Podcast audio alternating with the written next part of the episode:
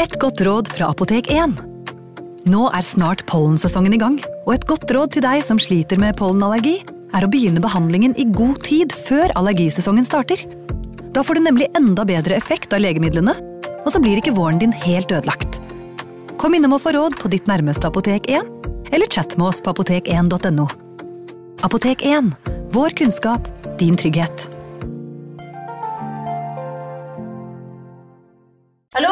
Jeg kommer fra Oslo politikammer. Ine Jansen er purk. Er du purk? The motherfucking bitch. Alt jeg vil, er å finne ut hva som skjedde med mannen min. Jon Carew. Er jeg sikta for noe? Iben Akeli. Det er du. Ole So, Lars Berrum og Big Daddy Karsten. Hvem sin side er du på, egentlig? Anette Hoff, Tone Danielsen, Kommer du fra Afrika? Jørnis Josef, Nesten. Kløfta. Trond Espen Seim, Det er synd å si det, men det var feil mann som døde. Purk. Premiere tirsdag på TV2 Play. Ungsamtalen fra DNB er økonomisk veiledning tilpasset deg som er ung. Bokk en ungsamtale på dnb.no. slash ung. Det er kjempebra hvis du skal inn på boligmarkedet, hvis det er drømmen din, liksom. Det er det du skulle sagt. Og så kunne du ropt litt mer, da, sånn som jeg gjorde. Bam! Advarsel. Historiene vi forteller i denne podkasten kan være fiktive og avvike fra den opprinnelige historien av dramaturgiske årsaker. Meninger og påstander i historiene reflekterer nødvendigvis ikke programledernes meninger eller virkeligheten.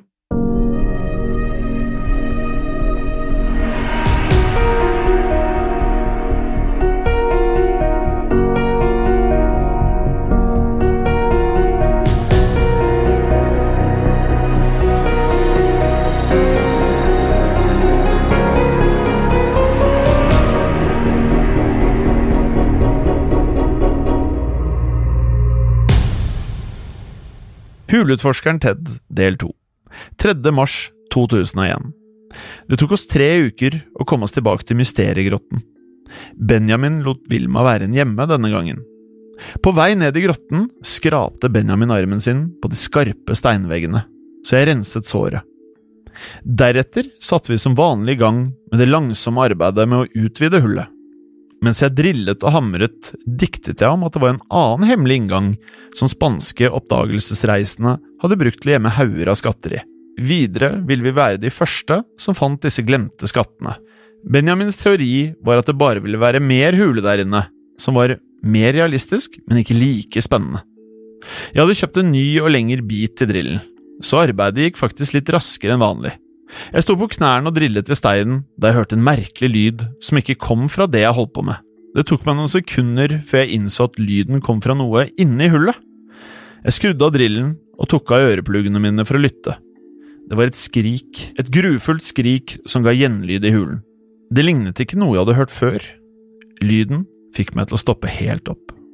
Jeg ble lammet av frykt. Typen frykt som får deg til å stå helt stille. Etter noen sekunder døde skriket ut, og jeg stirret på hullet. I noen sekunder klarte jeg ikke å røre meg. Så snudde jeg meg mot Benjamin, som for et øyeblikk siden hadde slappet av på bagen vår. Nå sto han oppreist med munnen åpen og et svært forskrekket uttrykk i fjeset. Jeg snudde meg og stirret på hullet igjen, og forventet nesten at en demon skulle stirre tilbake på meg. Men Floyds grav så helt normal ut.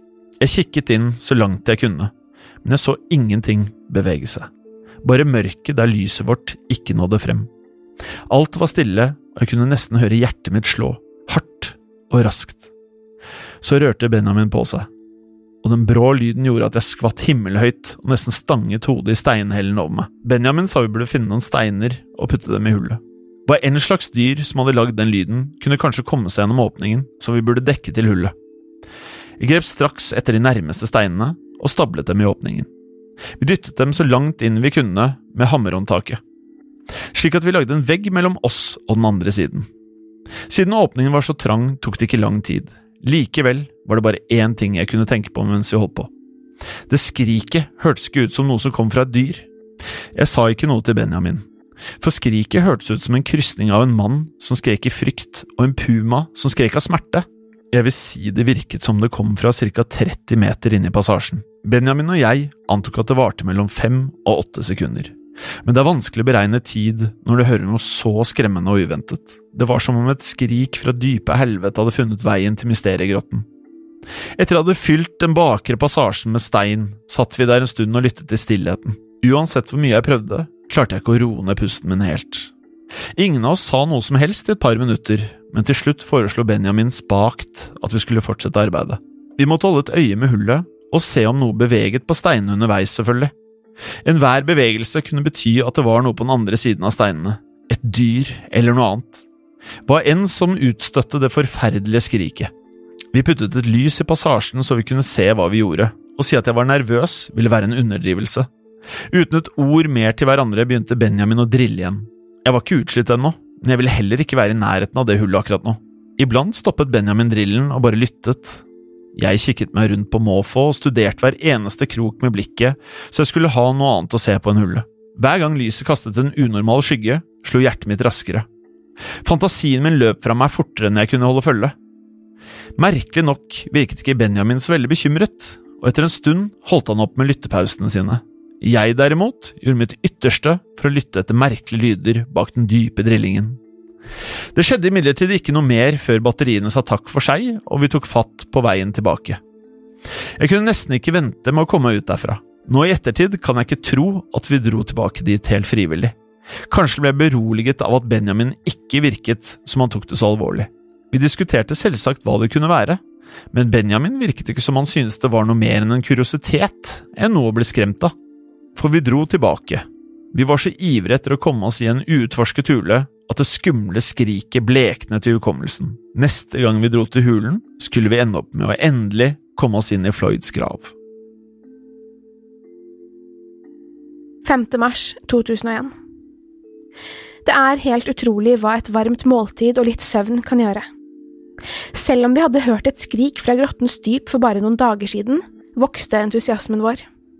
Passasjen var så nære. Vi var helt sikre på at vi ville komme oss inn i den uutforskede passasjen denne dagen. Da vi kom til hulen, klatret vi ivrig ned, men mørket brakte med seg minnet om skriket. Det var så grufullt og ikke helt menneskelig. Jeg vet ikke om jeg ønsket at det skulle ha vært menneskelig. Hva var verst? At det kom fra et eller annet menneske der nede, eller at det kom fra et annet, helt ukjent vesen? Likevel ble vi fylt av nytt mot da vi kom frem til Floyds grav. Vi var klare for å komme oss inn i passasjen der ingen mennesker hadde satt sine ben før. Håpet vi, da. Da vi kom frem, merket vi at vinden var tilbake. Den blåste friskt fra hullet, og vi kunne høre rumlingen iblant også. Vi tok fatt på arbeidet, og det tok ikke lang tid før Benjamin hakket en stor bit med stein. Han jublet, og jeg løp bort for å se. Hullet var endelig stort nok. Vi kunne komme oss inn. Skriket som hadde lamslått oss tidligere, var glemt, og tanken på eventyret foran oss overskygget alt annet. Hullet var fortsatt lite og trangt, så jeg bestemte meg for å klatre inn. Deretter bøyde jeg meg så overkroppen min lå sidelengs. Jeg strakk armene gjennom hullet, deretter hodet, men da jeg kom til skuldrene, kjente jeg at steinveggene skrapte på alle sider. Det stoppet meg ikke, men ga meg noen små skrubbsår. Smerten var ikke så ille, i hvert fall ikke sammenlignet med fryden over å endelig være inne. Med overkroppen, i alle fall. Det var så trangt at jeg ikke kunne bytte posisjon, så jeg måtte bli den jeg startet hele veien inn. Det var så vidt hoftene mine kom seg gjennom, og det steinete nederlaget skrapte opp brystet mitt. Jeg har vært i trange passasjer før, men dette var noe av det smaleste jeg hadde krabbet inn i. Jeg kunne ikke engang ha på meg hjelmen min da jeg krabbet inn, den måtte av før jeg begynte, for det var så vidt hodet mitt fikk plass uten den. Selv uten hjelmen måtte jeg snu hodet til siden for å komme meg gjennom. Rett etter hullet viet passasjen seg ut litt, som gjorde det enklere å posisjonere meg riktig før jeg krabbet videre innover. Selv om dette var en videre del, var den fortsatt ikke særlig stor. Jeg kunne sno hodet mitt helt fint, men da jeg gjorde det, så jeg rett inn på steinveggene. Jeg sa noe til Benjamin, og stemmen virket dempet, som om jeg hadde hodet i en trang boks. Veggen av småstein vi hadde stablet tidligere, gjorde at jeg ikke kunne se noe særlig lenger inn i passasjen. Steinene falt lett unna med noen dytt fra hammeren jeg hadde skjøvet inn foran meg før jeg krabbet inn. Jeg dyttet dem til side og knuste noen av de større steinene så de ikke skulle være i veien. Deretter studerte jeg den smaleste delen av passasjen litt foran meg. Det så ut som det ville bli trangt, men ikke helt umulig å komme gjennom. Etter at jeg hadde fått hoftene mine gjennom, stoppet jeg for å samle meg litt. Bena mine dinglet fortsatt utenfor hullet. Overalt jeg så, var det sten. Den smaleste delen av passasjen var omtrent tre meter inn. Derfor måtte jeg på dette tidspunktet bestemme meg for én posisjon jeg skulle holde meg i, helt til jeg kom forbi den smaleste delen og ut i den videre delen, bortenfor der jeg kunne bevege meg mer. Jeg krabbet meg fremover med venstre arm strukket fram og en liten lommelykt i hånden. Første del gikk relativt raskt, og så begynte veggene å bli tettere rundt meg. Det var noen centimeter med plass på hver side av kroppen min, men taket presset ned mot ryggen min. Krabbingen gikk saktere, og til slutt måtte jeg bruke tærne til å dytte og den venstre armen til å dra meg fremover. Heldigvis sjekket jeg om det var enkelt å komme meg tilbake igjen baklengs, og det gikk fint, så jeg fortsatte fremover. Likevel fikk jeg Benjamin til å feste tau rundt foten min, sånn i tilfelle han måtte dra meg ut. Ettersom hodet mitt lå på siden, så jeg bare steinveggen. Floyds grav var stille, og alt jeg hørte, var min egen pust. Det var slitsomt å dra seg fremover. Vinden blåste fortsatt. Ulingen som hadde kommet sammen med vinden, virket som om den bare hadde tatt en pause. Å ligge sånn i dypet av en grotte, omgitt av sten, gjør at man begynner å tenke litt. Fjell. Det er fjell over meg, og hele jorden under meg. Om bakken skulle finne på å bevege seg litt nå, vil jeg kanskje bli fanget her for å lide samme skjebne som Floyd selv, sittende fast i dagevis langt fra friheten, dømt til å sulte i hjel.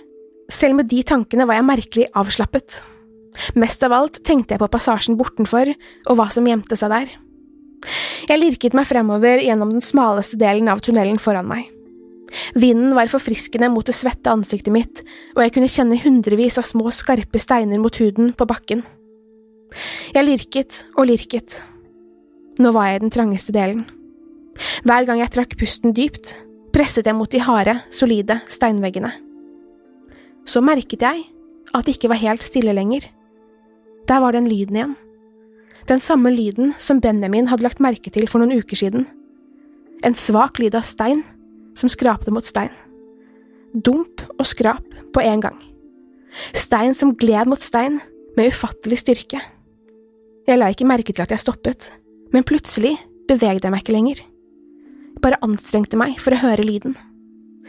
Noe dypt i meg likte virkelig ikke den lyden. Det minnet meg om hvor hard stein er, og hvor myk og svak menneskekroppen min er i sammenligning. Så forsvant den, og det ble helt stille. Jeg vurderte å krabbe ut av passasjen igjen, men jeg ville ikke gi meg nå. Grotten kalte på meg. En stund lå jeg helt stille og lyttet, og lyden kom ikke tilbake. Den hadde virket som den kom langt bortenfra, nå som jeg tenkte over det. Etter et øyeblikks nøling bestemte jeg meg for at jeg kunne fortsette litt til. Jeg skjøv bekymringen ut av hodet og fortsatte å lirke meg fremover, gjennom den smale tunnelen. Deretter vidret passasjen seg litt ut. Jeg kjente et blaff av begeistring. Målet vi hadde satt oss for mange uker siden, var innen rekkevidde. Bare tanken gjorde meg ivrig etter å komme meg videre, selv om jeg var både støl og sliten. I et minutt eller to fokuserte jeg bare på å puste, og så fortsatte jeg. Pust ut, lirk framover. Stopp, trekk pusten. Pust ut, framover.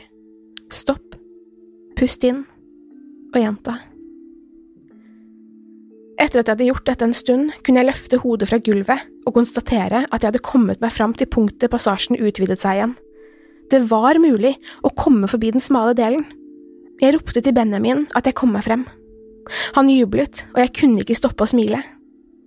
Med enda litt lirking kunne jeg endelig putte armene ved siden av meg selv, og snart ble passasjen så stor at jeg kunne sette meg opp litt. Der satt jeg en stund for å hvile. Samtidig beskrev jeg for Benjamin hva jeg så.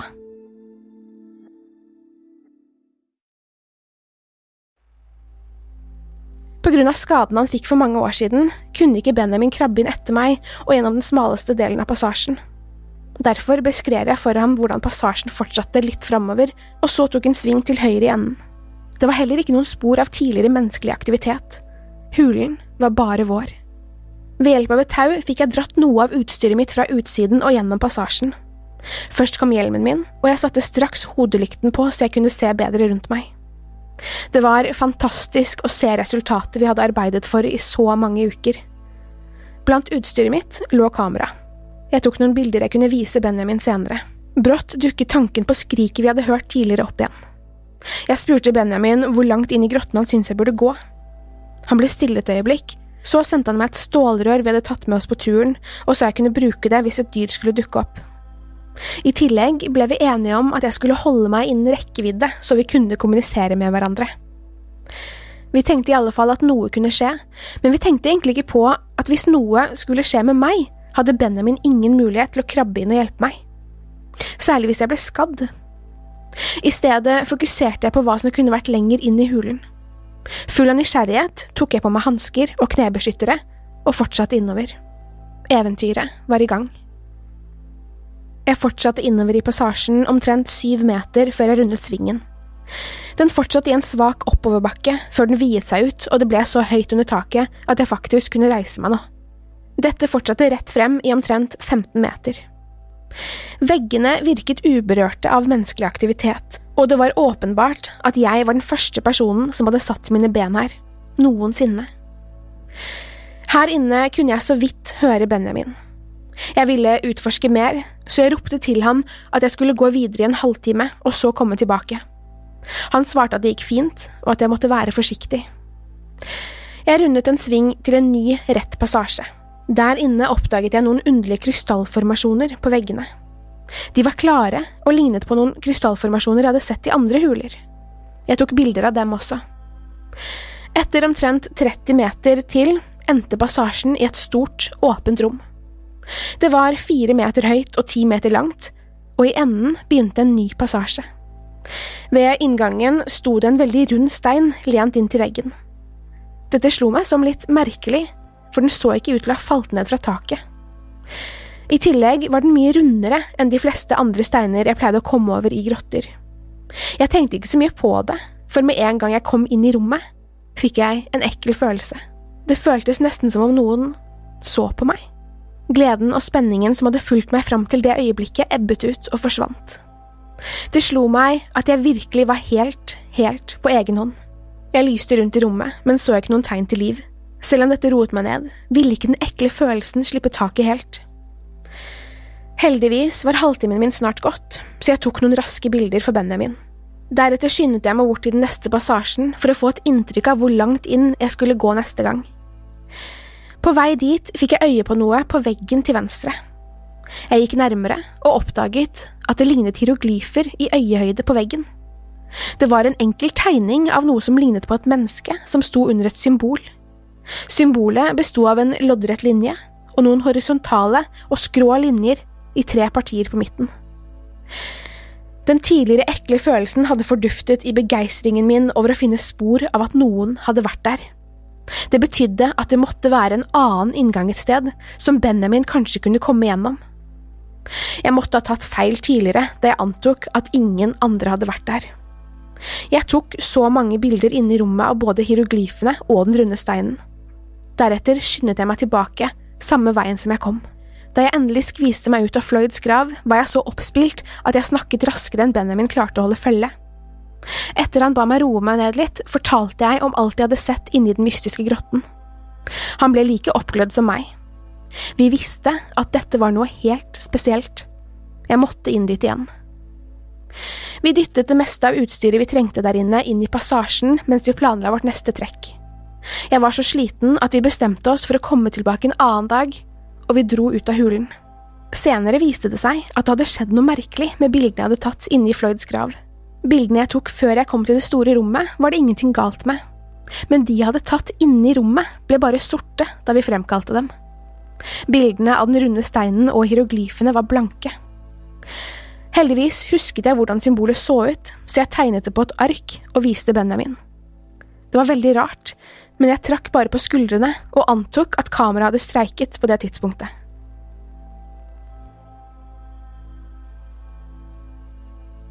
mars 2001.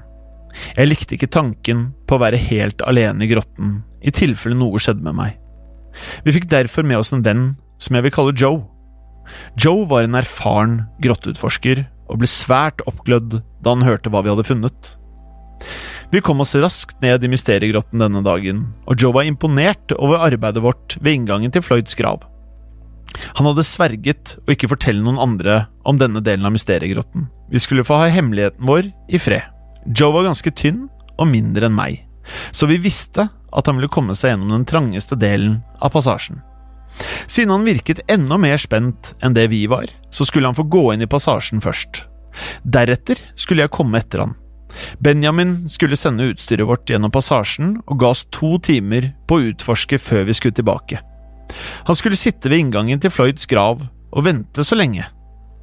Vi hadde imidlertid ikke fortalt Joe om de merkelige tingene som foregikk i passasjen. Hva skulle vi egentlig ha sagt? Vi hadde jo bare hørt merkelige lyder. Vi hadde jo aldri egentlig følt at vi var i fare, ellers hadde vi ikke dratt tilbake til mysteriegrotten i det hele tatt. Derfor sa vi ikke noe før han forsvant inn i Floyds grav. Joe smatt lett gjennom passasjen. Han sa det var trangt for han også, men det så ikke sånn ut.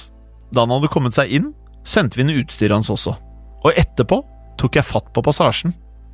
Etter at jeg kom forbi den trangeste delen og kunne sette meg opp, snudde jeg meg for å ta imot utstyret Benjamin sendte etter. Imidlertid snudde jeg meg for raskt og slo hodet hardt i steinveggen. Jeg begynte å blø og følte meg svimmel. Benjamin sendte straks førstehjelpsskrinet til meg, men jeg følte meg så dårlig at jeg ikke ville ta sjansen på å vandre lenger inn i hulen.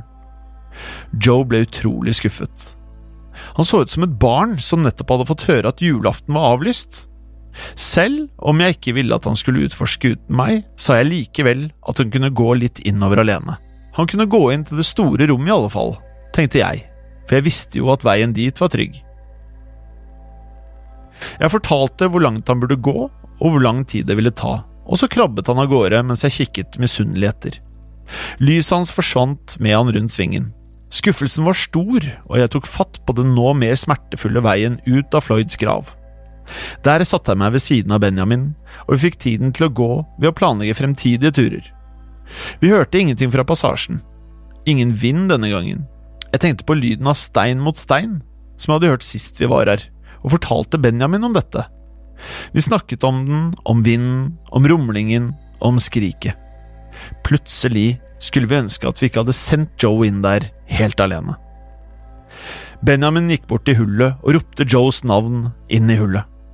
Det kom ikke noe svar, ikke særlig overraskende siden man ikke hørte hverandre godt når man var et stykke inne i hullen. Jeg hadde gitt han 20 minutter til han måtte være tilbake, siden han gikk alene. Brått innså vi at det hadde gått 25 minutter. Så 30. Vi ble bekymret. Jeg likte ikke tanken på å måtte krabbe inn med det forslåtte hodet mitt og lete etter han. Likevel visste jeg at jeg måtte forsikre meg om at ingenting hadde skjedd med Joe. Idet jeg skulle til å krabbe inn igjen, så jeg et lys dypt inne i passasjen. Jeg ropte på Joe, men fikk ikke noe svar. Lyset ble sterkere, og jeg kunne høre lyden av noen som krabbet langs bakken. Går det bra med deg, Joe? spurte jeg. Jeg fikk et svakt nei til svar. Lettet og bekymret på en gang hjalp jeg ham ut av Floyds grav. Med en gang han kom ut og sa at han ikke følte seg bra, rev han av seg utstyret og stappet i bagen sin. Han var blek, møkkete og andpusten. Huden hans var full av små kutt fra hans raske tilbaketrekning gjennom hullet. Øynene hans var vidåpne, og han så nesten skremt ut. På et øyeblikk hadde han pakket sammen og var på vei ut av mysteriegrotten. Vi skyndte oss etter han, men ikke før jeg løp bort til hullet og lyttet i noen sekunder. Der inne var det helt stille, og en del av meg ville ut av hele denne grotten så fort som mulig. Den andre delen ville at jeg skulle klatre inn i Floyds grav så fort jeg kunne for å se hva som skjulte seg lenger inne. Jeg var fortsatt svimmel etter å ha skallet i steinveggen. De to andre var på vei ut av mysteriegrotten. Siden jeg ikke likte følelsen av å være alene ved passasjen, rev jeg meg vekk og styrtet etter dem. Idet jeg snudde meg og løp for å ta dem igjen, hørte jeg uling. Ulingen vi hadde antatt at kom fra vinden. Jeg kunne ikke tenke mer på det der og da, men senere kom jeg jo på at det ikke hadde kommet noen vind fra hullet mens vi var der. Da vi kom helt opp til overflaten, gikk Joe til bilen med en eneste gang. I solskinnet så han enda verre ut. Først så snakket han ordentlig med oss, men bare i korte svar. Jeg spurte om han hadde sett hieroglyfene. Nei, sa han. Hadde han hørt at vi ropte på han? Nei. Så han den merkelig runde steinen? Nei. Så han krystallene? Nei. Alt han fortalte, var at han gikk et stykke inn i hulen og begynte å føle seg dårlig. Det virket ikke som om det var hele sannheten. Hvis han hadde gått så langt inn at han ikke kunne høre oss rope, så måtte han ha sett krystallene. Hvorfor ville han ikke si noe mer? Turen hjem var fylt av en ukomfortabel stillhet. Da vi slapp ham av ved huset hans, spurte vi om han ville bli med til hulen igjen. Han ristet hardt på hodet og løp inn i huset. Jeg prøvde å ringe han senere den dagen, og dagen etter, men han svarte ikke. Jeg visste ikke hva som hadde skjedd med han, jeg visste ikke hva han så eller hørte. Alt jeg visste, var at det var noe han ikke ville fortelle oss. Hele opplevelsen burde jo fått meg til å aldri ville dra dit igjen. Men det gjorde jeg.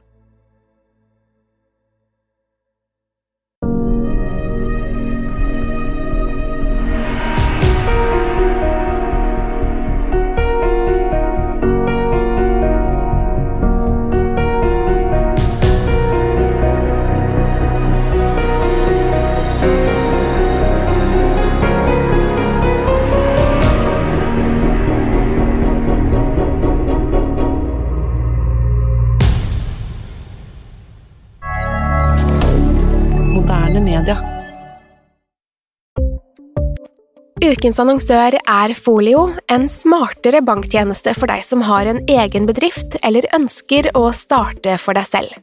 Folio er en superenkel nettbank for bedrifter. Som kunde i Folio får du en bedriftskonto med et bedriftskort og app. I denne appen er det smarte løsninger som forenkler regnskapet ditt, uansett om du har en liten bedrift eller et enkeltpersonsforetak. Folio er både intuitivt og brukervennlig, og er laget med et enkelt språk. I tillegg tilbyr de forutsigbare priser og ingen skjulte gebyrer. Skulle du likevel trenge det, så kan du snakke med deres raske og hyggelige kundeservice, og der får du prate med en faktisk person og ikke en chatbot. Folio er med andre ord både enklere og koseligere enn banken. Over 10 000 bedrifter har allerede valgt Folio som sin banktjeneste, så besøk folio.no og se hvordan Folio kan forenkle din hverdag også. Har du et enkeltpersonforetak eller en liten bedrift? Da er du sikkert lei av å høre meg snakke om hvor enkelt det er med kvitteringer og bilag i fiken, så vi eh, gir oss her, vi. Fordi vi liker enkelt. Fiken superenkelt regnskap. Kiwi er billigst i VGs matbørs og har vært billigst i fire av de fem siste VGs matbørser. Og nå presser vi prisene på frukt og grønnsaker. På 200 gram broccolini setter vi prisen til 24,90. På 400 gram Cevita blåbær setter vi prisen til 49,90. Og husk, alle Kiwi Pluss-kunder får i tillegg 15% trumfbonus på all fersk frukt og grønt. For det er vi som er prispresserne. Og vi i Kiwi gir oss aldri på pris.